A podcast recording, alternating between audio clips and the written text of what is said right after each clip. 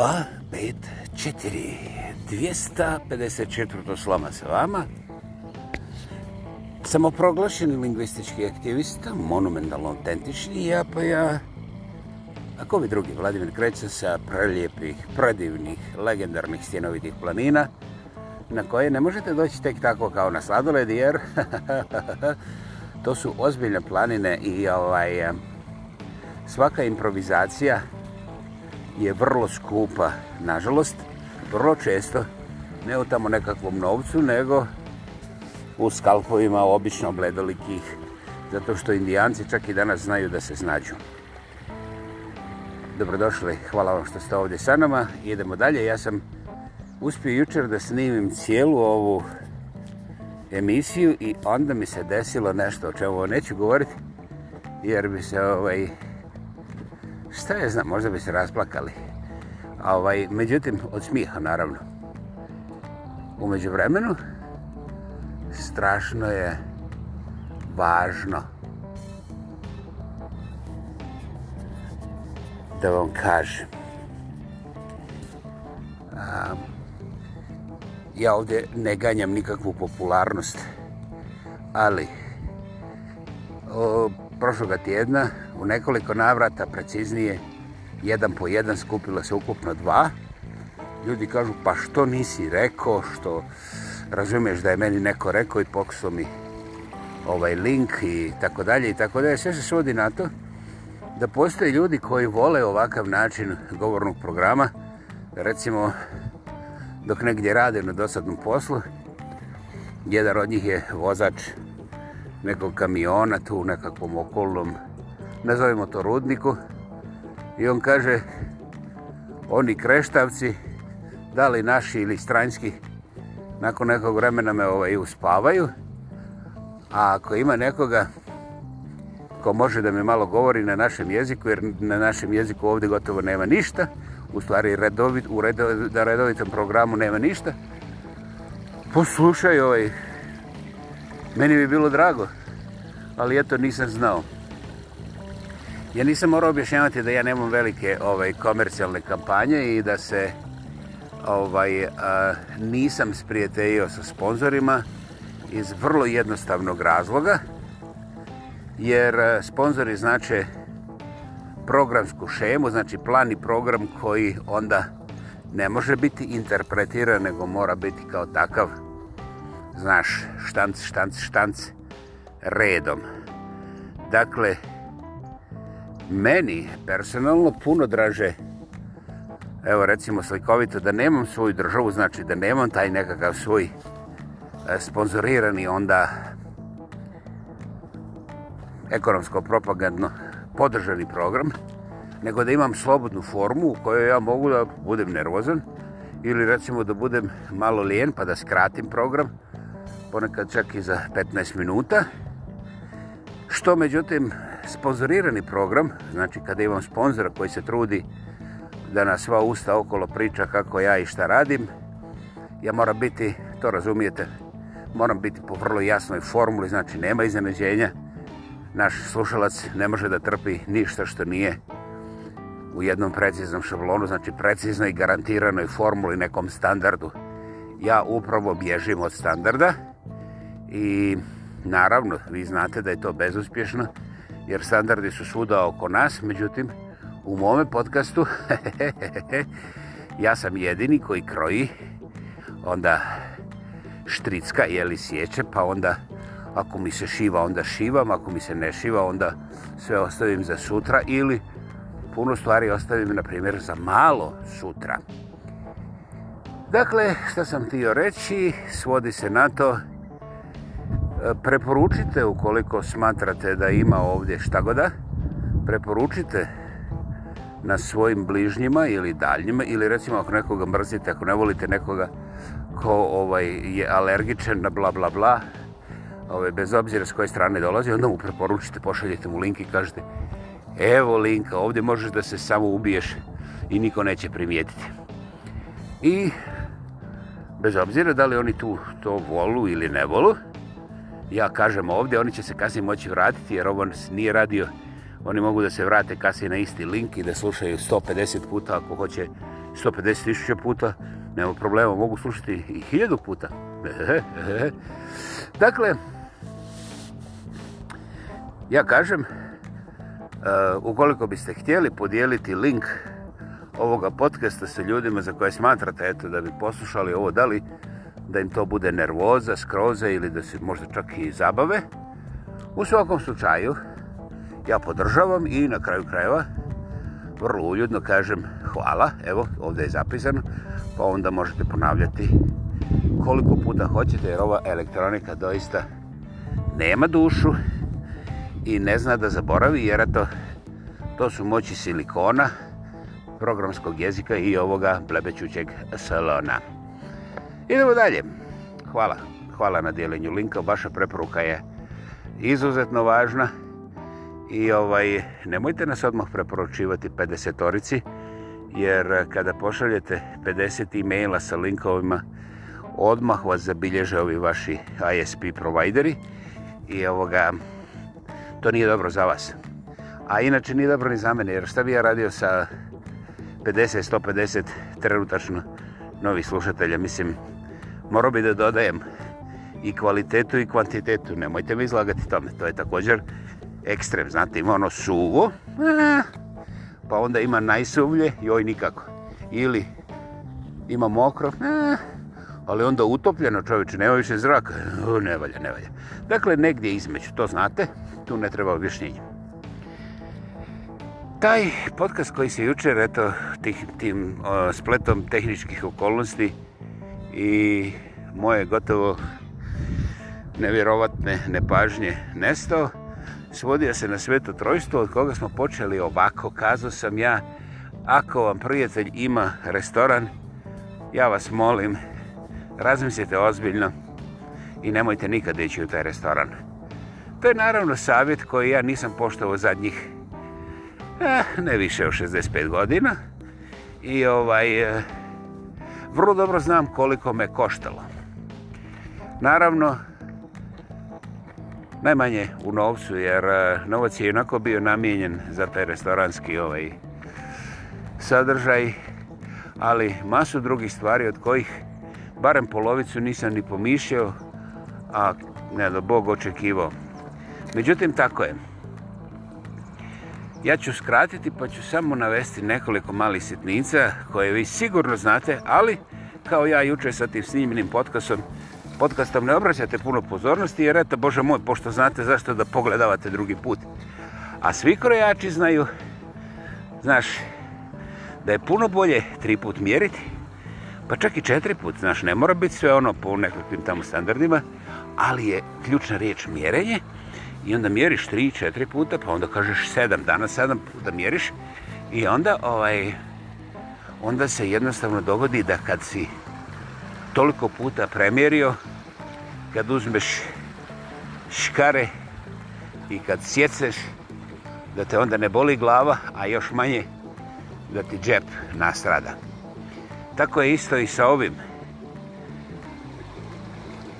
I to vi znate, ali znanje je potpuno nedovoljno, čak i kontraproduktivno, ukoliko vi to svoje znanje ne pretvorite u svijest, a to u svijest ne pretvorite u aktivnost. Znate, pogledate još jedan put, eto, to je, na primjer, aktivnost. Ili pustite rečenicu još jednom kroz vaš procesni sistem i ovaj, Samo po sebi se kaže šta štrči. Najozbiljnije. Ovaj, eh, bez obzira što sam ja neke ljude nazivao imenima koja nisu ovako na intelektualnim vrhovima i ovim tim šampionskim prijestoljima pameti, meni je nekako duboko i u mojim kostima jasno da istinski glup čovjek, znači čovjek koji ne može ovaj, da donosi inteligentna rješenja, odluke i primjećivanja u tom svakodnevnom životu, znači normalnom pokretu, znate, ne postoji. Da li ja kažem da smo mi svi jednaki? Ne znam, pogledajte jedan od mojih ranijih eh, ovih eh, podcasta. Ja sam napravio barem pet podcasta kontra jednakosti. Aha, dobro ste čuli, kontra, sproću, antiprotivan jednakosti. Zato što, kada ja kažem, da apsolutno vjerujem kako su svi ljudi inteligentni bez fakulteta, nego jednostavno da ono što nam je rođenjem dato ukoliko nismo teško fizički i biološki oštećeni, znači vidljivo ili ukoliko se ne nalazimo na tim ekstremnim ali to već znači institucionalnim snanjima e, tijela, duha i sluha onda e, mi imamo uvijek taj default level, znači nekakav bazični nivo inteligencije koji je jednako moćan kod profesora kirurgije kao i kod pere stočara ili recimo džure, što ja znam, najzbiljnijim. Ljudi mogu da se ponašaju i mogu da izgledaju izvana na razne načine, međutim, nije samo na razini instinkta. Ako most, da li preko male ili preko velike rijeke, krcka i potresa se, onda i glupi, najvjerovatnije glupi će puno kasnije se usuditi da pređe preko mosta, jer hm, hajde mora, da ne bi plivo. Dok će, na primjer, pametni reći, ha, krcka, on će se srušiti, ali pošto ja mogu da dodam veću brzinu, ja ću to ostaviti za sebe i naravno taj navodno pametnik koji zna proračun brzine i frekvencije lomljenja i stizanja tog lomljenja ovaj, uglavnom primijeti da se proračuno za otprilike 5% što je bilo dovoljno da mu se most sruši ispod peta je da on u stvari završi u rijeci je da ga onda klepi jedan komad toga mosta koji je nakradno pao i onda da ga onaj seljak koji je već prešao malo preznije, bez ikakvog proračuna, zapravo spasi jer ovo je već bio šamućen zato što je bio udaren u glavu. Doslovce. Eto. I kada govorimo, znaš, o toj urođenoj inteligenciji, onda ja nisam rekao svi smo mi jednaki. To je jedna od onih, eh, eh, eh, ja bih rekao čak najprljavijih prevara ljudskog zatupacijanizma, zatupacijanizma, tupanizma ili zatucanosti. Da, to bi moglo, znaš, ima to, to je dobra kombinacija. I ovaj, to mi uvijek pripisujemo njima, to se ne dešava nikad nama, pogotovo ne meni, jer vidite da ja o tome govorim, ja sam znači lep, mlad, plav, e, onda superlativ, superlativ, superlativ, jednu 15 enciklopedija i na kraju normalno skroman, skroman, brat, skroman, čim omršavim 100 kila, bit ću vitak. Ovaj, eto, hvala na aplauz, ok, može i sutra jedan. Ovaj, eto, to je to. I sad idemo u taj restoran nesretni, znači, prijatelj vam drži restoran, ne idite tamo. Jednog dana ćete mi biti zahvalni i što kasnije dođe taj dan, ta će zahvalnost biti veća, a vaše stanje potresnije i zato ja vas zamoljavam da zaboravite mene, ali da razmislite dobro koji je razlog da idete kod prijatelja u restoran. Jer restoran je jedan od onih poslova, biznisa, kako hoćete, u kojima čovjek mora da dodaje razno razne nevidljive sastojke u svoju hranu i ovaj da se doslovce kurva svakodnevno sa tržištem, ali i sa samim sobom, jer on je juče napravio 20 kila pečenja, prodao je samo 2 kila. Dakle, nije naplatio ni struju, ni ovog kuhara koje ga plaća. I sad kako to pečenje baciti danas? Nego onda naučiš kako da ga proglasiš pečenjem od danas, jer je svježe, friško. I onda ga guraš kome, pa najbližima da povjeruju i ovi drugi što dolaze. I onda ovaj to ponavljaš 17 dana dok se najzad to ne proda. Umeđu vremenu dodaješ soje i ovih praškova za osvježavanje, znaš, za svježinu, za mirise, jer ima toga, ne bih ja ovaj, tim flavoring sintetikama koje su dostigle apsolutno ludilo, apsolutno samouništavajuće ludilo na tržištu i ljudi oduševljeno jedu tvoje pečenje koje nije stariji od 17 dana, a svježe je od jutro se. A ovaj, to je recimo jedan primjer. Drugi primjer je kada vi slučajno prije otvaranja restorana se nađete, ima i to. Niste to planirali, nađete se unutra i onda vidite sve te kutice i ampulice i šprice s kojima se koriste ovi restoranđije da bi to sve izgledalo i da bi to sve bilo super seksi. I onda ovaj, to vas pukne, htjeli ili ne htjeli, jer stvari izgledaju ne kao u restoranu, nego kao kod nekog prirušnog veterinarskog tehničara. Jedino fale ovaj, da izvineš zasrane krave, jer je onako oplođavanje nije ovaj, bez bika ništa simpatično, nego izgleda, znaš ono sad onim dugim super čizme, da ne opišem dalje, jeli? Uglavnom, kada vidite to naliče restorana, Bez obzira da li vam je mama vlasnik, vi ne možete to da zaboravite više nikada. I nije vama krivo što ste vi za takvu glupost plaćali ozbilje novce, nego vi htjeli ne htjeli. Kažete, kako je moj prijatelj restoranđija meni mogao govoriti godinama da on ima organik, orgazmik, non GMO, lijevo, desno.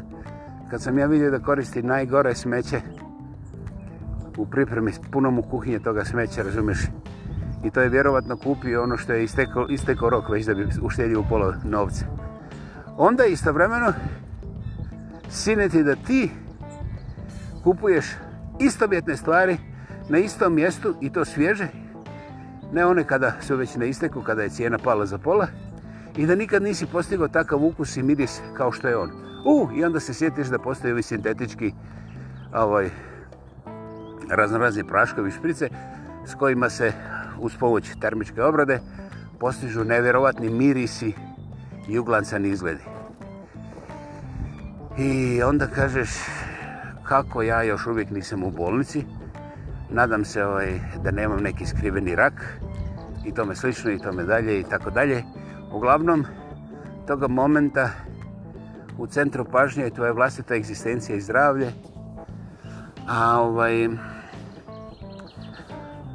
ako se i opustite, onda će doći vrlo tužno sučeljavanje sa tim kako neko koga vi volite kao prijatelja i cijenite kao prijatelja, on vas drži kao kantu za smeće godinama i ovaj, on očekuje te kante za smeće čak i dobru napojnicu. Ne samo da plati smeće koje je ovaj ubacio u njega i reciklira, nego i napojnicu. Dakle, osjećaj da vas neko tretira kao kantu za smeće, da vas puni smećem i da vi to smeće gutate, ali i ozbiljnim novcem plaćate plus napojnicu, plus što ste kao zahvali, tu je onda pogođen vaš, e sad, nije Edo, nego Ego.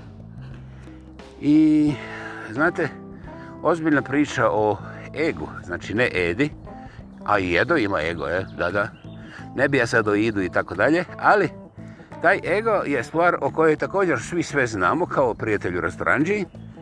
Međutim, meni je trebalo opet 65 godina i malo više da primijetim ovaj, da ja ne mogu o svoj ego raspravljati sa bilo kim izvan mene, onda zašto bi raspravljao sam sa sobom? I tako ego pobegne kontroli i onda kada se zgrčiš, kada se osjećaš kao kanta, kada ponižavaš sebe, onda su to krivi drugi, recimo ovaj restoranđija, a ne ti što si sebi dozvolio da ideš tamo i da vjeruješ sve što ti je rečeno, jer ovaj restoranđija vrlo dobro zna da tvoj ego hoće da ti dobiješ prvi stol, znači da se zna, nije bitno što je na stolu, važno je da si dobio prvi stol, pa onda kada on dođe i kaže pred svima donese ti nekako smeće, 17 dana staro, pa kad kaže non GMO, organic, samo za vas, jer vi ste se uvijek zdravo hranili. Ja znam da sam bio krmača 110% godina mog života, ali nema veze, važno je kad on kaže. I ja naravno nikad to ne preispitivam, jer meni je ugodno, vi ljudi gledaju, znaš, kao smijulje se, ja kao ne primjećujem. I fino, ta govanca, to smeće, ovaj, požderem do kraja, čak tražim izačine i malo, još, znaš, ono, jer jebeš onu regularnu sintetiku, daj mi malo dodatne sintetike, ovaj, nisam dobio rak već ima mjesec dana.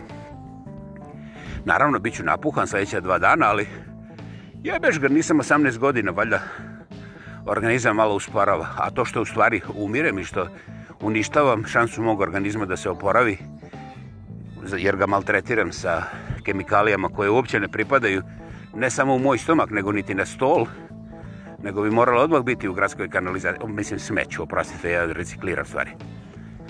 Međutim, moj ego to drži. I to restoranđije također prodaju, to nema na jelovniku. Čak se o tome ne raspravlja, jer se zna da smo mi ovaj, kao ekipa, razumiš? I on počeše moj ego, ja sam tu narastao, kita mi narasta za 15 cm dok sam bio to smeće. I onda ja više o tom nikad ne razmišljam, jer ako bi razmišljao, onda bi se sjetio šta, šta mi je zavučeno. I jebeš ga, zbog, barem zbog hemoroida skočile bi me oči na pod, pa onda negdje u podsvijesti, znaš, ne diram ništa od toga, nego kad najđe u razgovor, ja kažem, ne, bio sam kod pere restoranđije čoveče, znaš kako friško im ovo pečenje čoveče, pečenog prasca čoveče, znaš kako ono, sa šanzelize premazom, svataš, pa kažem, to je šetalište. Ma ne, ovo je premaz, razumiješ, zove se tako, to je neki moderni naziv, ne znaš ti to. Čovjek gleda koluta, što to mora biti neka sintetička pljukara iz Kine, ali eto, važno je da je šanzelize ovaj, i da ima dodatak premaz. Možda je čak bio lateks gaćice, razumiješ, ali kako ih je dobro navuku, ko bi primijetio, sjajilo se i zašto bi ja sad priznao da sam bio glup i platio, bez veze ja čak nisam ni primijetio da su, da su bili neki lateksi, razumiješ, nego mirisalo je, izgledalo je dobro, ovi se okolo kolutali očima jer nisu mogli da kupe kilo kao ja, kupili su 20 deka, a ja sam dijetalac, to se zna, jeli? I moj ego počeškan i ja tako cijeli život bacim i onda sad dođem na kraju života da vas maltretiram, da vam pokvarim raspoloženje. Može, može, pokvario sam raspoloženje. Ovaj, um, A vi pogledajte malo bolje šta jedete kod svojih prijatelja restoranđija, jer ovaj, gotovo svi restorani su negdje prijateljski i ovaj nećete morati da radite nekakve teške, duboke, opsežne istražne radnje. Ukoliko budete pošteni sa sobom, ukoliko pod kontrolu stavite svoj vlastiti ego, ne moj, tu morate početi razgovarati sa sobom, to je najkompliciranija stvar.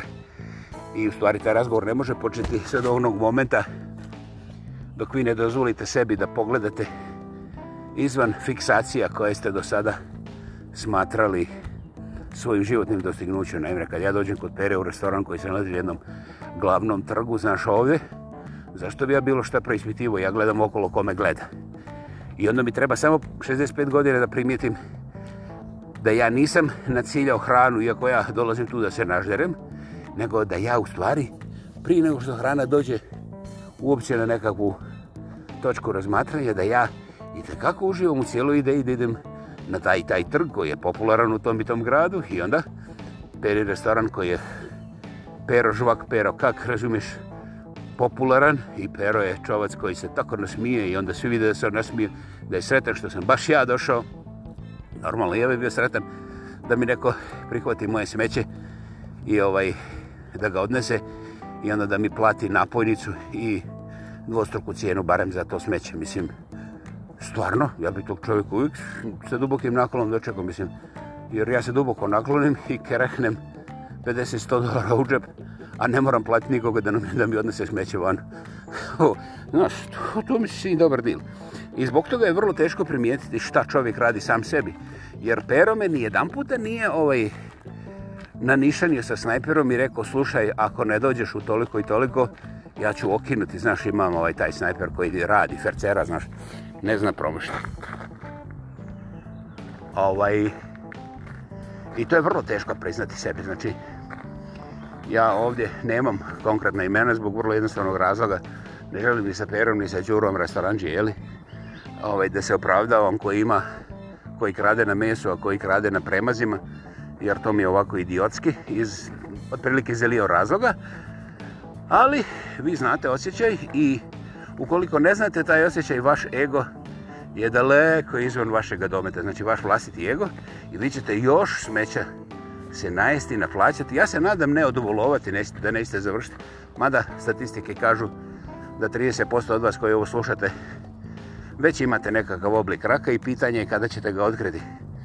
Znate, to nije moje otkriće, imaju ljudi koji se bave s tim svaki dan i ovoga, nažalost, u zadnjih 12 godina.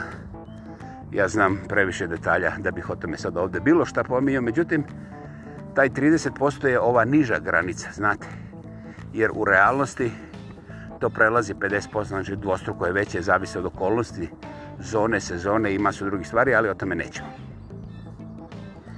Dakle, morate postići taj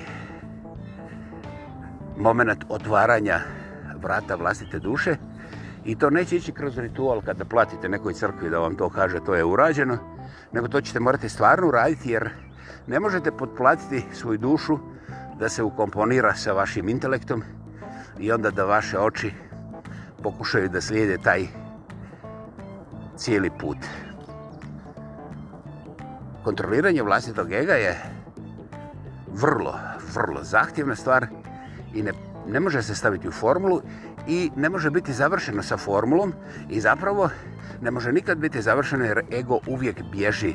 To je u stvari nekakav dubinski razlog zbog kojeg čovjek u svome odrastanju, ukoliko želi odrastati, ukoliko ne želi ostati primitivus koji ponavlja isti šablon koji su radili njegovi prije 2000 godina, to su ovi debilčine, razumijete, ali nećemo o njima kojima trebaju države, a cijelu stvar zapravo kontroliraju korporacije ili jučer, recimo u feudalizmu, to su bili gospoda vitezovi. Znači, uvijek su isti centri moći, uvijek su isti, isti skupljači ovaj, skalpova, a mi se borimo znaš, za našu čast jer oni nas predstavljaju negdje.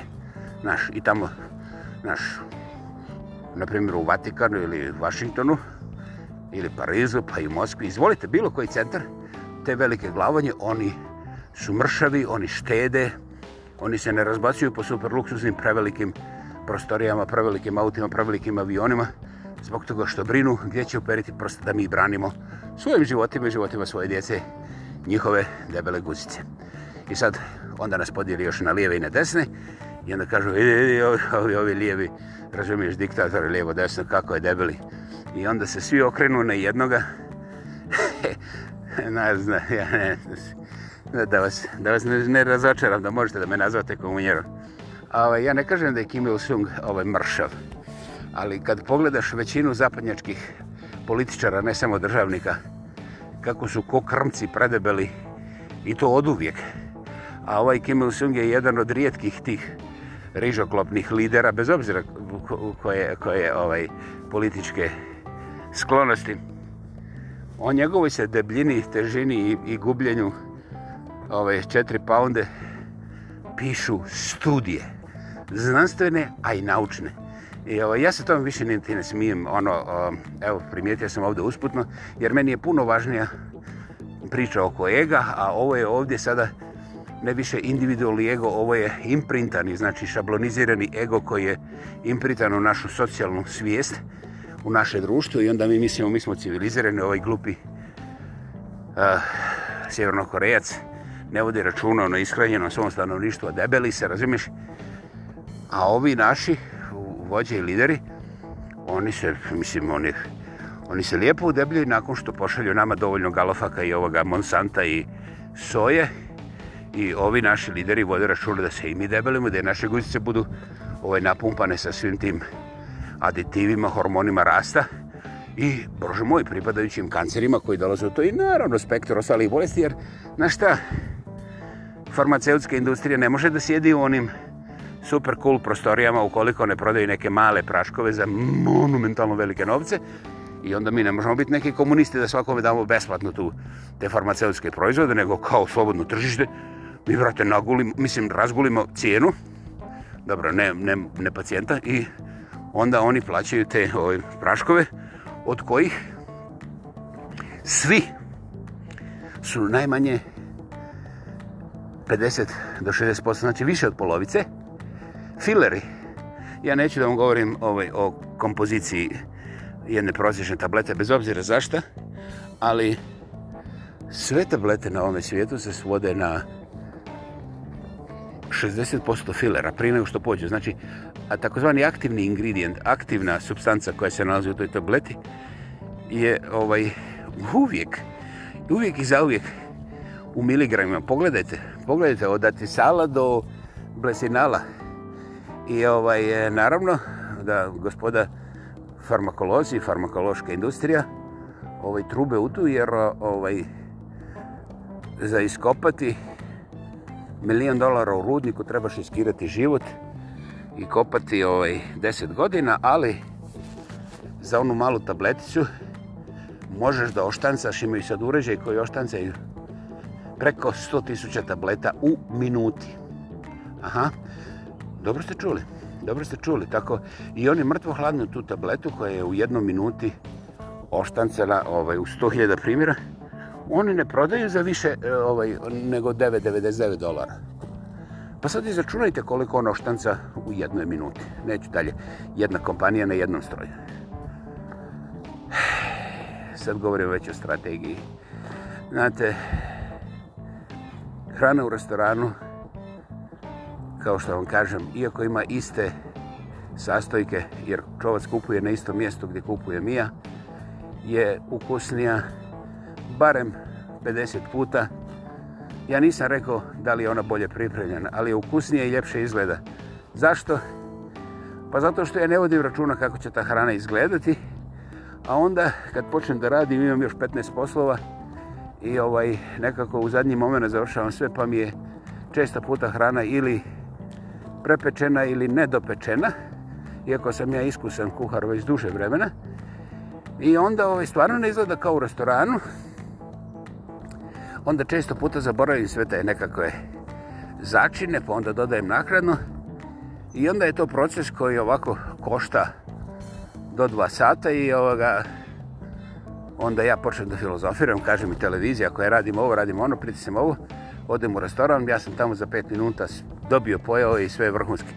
Dakle, mi imamo jednu iluziju koja je temeljena na našoj frustraciji da budemo skoncentrirani. Znači, moramo razgovarati sa svojim egom, biti skoncentrirani, iako radimo najobičniji obrok, iako smo prisutni, onda će se odjednom pojaviti zadovoljstvo pripremanja, jer stvari postaju smirene pod kontrolom. Ali ako smo mi odsutni na nekoliko strana i radimo takozvani multitasking, taj obrok, bez obzira koji ingredijens kako ga pripremati, postaje noćna mora i vi ga nećete voljeti. A potom je, a pritome vi u glavi imate joj kako ono tamo lako, jednostavno sve čisto, ono znaš one lijepe slike, vi ne gledate ono što ste vidjeli u kuhinji i onda vi bzum u restoran. Da, to sam ja bez ikakvog upitnika radio veći dio moga života. Bogu hvala što sam preživio bez teških bolesti, barem do sada, ali ovaj, sada smatram da je važno da vam kažem ono što ste znali, ali niste htjeli pogledati, pa izvolite, potrudite se ako hoćete. Vrijedi. Strabično puno vrijedi. Vrijedi više od bilo kojih novaca. Kada odete u restoran, oni ne samo da su stvarni napumpali, naglancali, um, preradili, doradili, rearanžirali da izgleda ovako, pa da onda bude onako, pa onda sa raznoraznim sprejevima dodali ovaj miris, onaj miris, onu bojicu, ovu ton, ovaj ton, onaj ton. I to je ovaj ako pogledate, možete gledati neozbiljno, ovaj, a, vrlo, vrlo otrovna propozicija koja vas neće ubiti toga dana garantirano, nego bit ćete malo napuhani, imat ćete glavobulju sutra, kao da ste pili, ali nećete nikad povezati sa tom hranom, i tako dalje, i tako dalje. Ja inače znam da u, recimo, neke od najobičnijih recepata, znaš, kao talijanski recept, a, jednom zgodom jedan restoranđija mi kaže, Evo vidiš, ja mogu ove bilo koje špagete, makarone i tako dalje koji su stari po nekoliko dana, kuhani. Ja mogu da ih oživim. Samo bacim ovo na šporet. Malo najobičnijeg, najeftinijeg ulja sojnom koje hoćeš. Minut. I onda dodam ovaj sos. Neću vam reći šta je gadljivo je i ne pripada tu. Ne bi vam nikad palo na pamet jedva da je jestivo, ali doista ima snažan ovaj okus. I onda, pošto je masu paradajza i mesa preko toga, niko ne može kroz sve to da primiti jasno, da odvoji miris okus mesa, miris okus ovoga i tako dalje. I onda kad je to ispred uh, mene da nosim, ja dodam malo, znaš, ono, sira na rendam, koji tek onda pruži svoj miris. Uh, a taj mi sir neko šta više 2 centa, jer je to tek onako da se vidi bijela boja. I onda iznosem pred mušteriju bočicu masinovog ulja i onda to je ono pravo ulje, ozbiljno najpravije, i mušterija gleda na to ulje i misli da je sve urađeno sa tim uljem. Većina mušterije, barem 7 od 10, ne dirne to ulje jer im ne treba još ulje, niko ne želi da bude još masnije ali su uvjereni da jedu originalno maslinovo ulje u saftu koji ima te misteriozne sastojke od kojih je on postao zavisen i on će poluditi da sutra preko sutra ponovo dođe na isti ručak i nikad neće saznati zašto. Jer šta ti hoćeš filozofirati, to je fantastična ova italijanska pasta. Ne smatram da je ovo za vas bila tajna, međutim, puno toga se mijenja kada vidite kako to izgleda. A onda, kada vam neko oboli od raka i umre od raka, onda se zapravo desi kompletna promjena i to je moment kada čovjek i nečovjek otvore oči, ali je, kao što vidite iz moga slučaja, prekasno.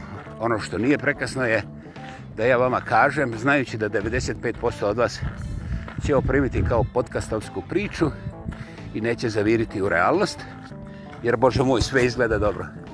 Ja se slažem s vama da sve izgleda dobro, znate. Ove kolodvorske kurve izgledaju dobro, ne nose, ne nose odore od časnih sestara, ali brate izgledaju kod da su malo čas stigle, šta ja znam, sa nebesa. Izgledaju, uh, uglancane, lješte se, pa čiste su po ovo porno. Mislim, evo da se zadržimo na tome, one su tako čiste da, da stvarno izgledaju malte neaseptično, ono, nevjerovatno. Uh a ovaj upravo te drugarice s kolodvora vam donose besplatno triper, herpes, e, sicilium, ne sicilium, silif, sifli, silifis, a sifilis, ok, može i to. I onda e, masu tih STDs, što kažu ovi moji ovdje iz ovih sela okolo Kalgarija, sexually transmitted diseases, A boga mi, možete dobiti batine ako već niste primijetili ove te bakterije, jer ovaj, mislim, usluge se plaćaju, a komentari se ne prihvaćaju, znate? Ovaj, ako ne znate, naučite vrlo brzo kad vam oči dobiju lijepu plavu maskaru i to je dobro ako ste sretni jer možete inače glavom lupiti nekakav fender bender, jeli? Ok, bila je to 254. slama sa vama. Ja pa ja, ko bi drugi? Vladimir kreće sa legendarnih, prelijepih, predivnih, meni najdražih stjenovitih planina. Hvala svakako, kao i uvijek prije, čujemo se znatno ranije nego što se vidimo. Umeđu vremenu imajte predivan dan i čao!